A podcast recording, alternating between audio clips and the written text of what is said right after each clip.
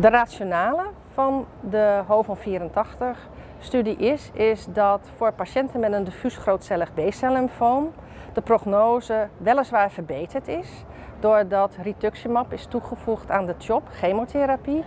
Maar dat nog steeds zo'n 40% van de patiënten die hebben of refractaire ziekte of ze krijgen een recidief. En dat betekent dat we er nog niet zijn. We moeten trachten de prognose te verbeteren.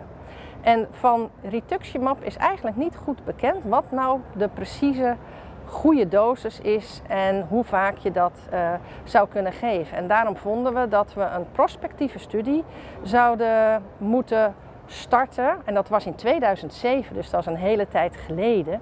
Nog voor al die nieuwe drugs eigenlijk eraan zaten te komen. Dat we uit moesten testen hoeveel rituximab je nou eigenlijk moet geven.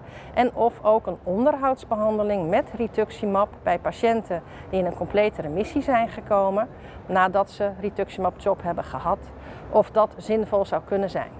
Het was een studie bij ja, primair 575 patiënten met een diffuus grootcellig B-cel stadium 2 tot 4 van alle leeftijden, dus tussen de 18 en de 80 jaar. En de studie had twee randomisaties. De eerste randomisatie was dat we rituximab intensiveerden, dus we gaven meer rituximab bij de eerste vier kuren van de R-CHOP. En daarvan zijn de resultaten inmiddels bekend, al een paar jaar geleden. En dat bleek helaas niet van toegevoegde waarde te zijn.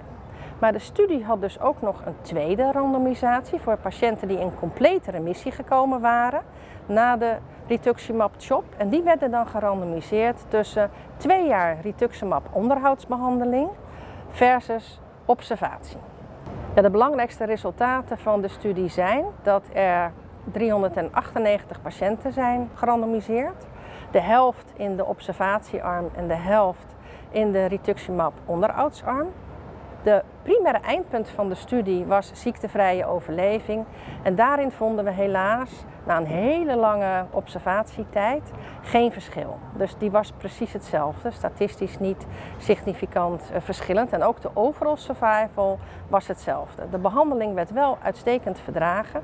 Merendeel van de mensen kon de rituximab um, onderhoudsbehandeling afmaken. Voornaamste bijwerkingen waren infecties maar die waren allemaal goed te behandelen en niemand is overleden aan uh, de behandeling. Maar zoals gezegd, helaas dus een negatieve studie.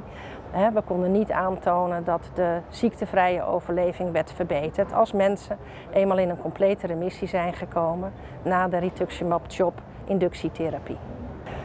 Op dit moment is nog steeds rituximab chop de standaardbehandeling. En dat komt omdat al die efforts die gedaan zijn om te trachten de prognose te verbeteren door de nieuwe middelen in te zetten, zoals ibrutinib, lenalidomide, bortezomib, toegevoegd aan R-CHOP bij het ABC-subtype, hebben helaas niet tot het gewenste resultaat geleid. Ja, we zijn in Nederland gewend om studies te doen via HOVON. En we zijn dan ook blij dat we binnen Hovon op dit moment twee studies open hebben.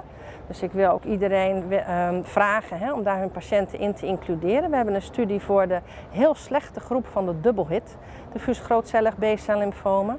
Dat is een fase 2 studie waarbij we mensen induceren met R-dose-adjusted EPOC. En de mensen die dan in remissie zijn gekomen, die krijgen een onderhoudsbehandeling met een immuuncheckpoint remmer. En een andere studie wordt gedaan bij mensen met een hoog risico diffuus grootcellig B-cel lymfoom op basis van de IPI-score. Daar gaan we ook kijken of we door een onderhoudsbehandeling met een immuuncheckpoint remmer hun prognose kunnen verbeteren.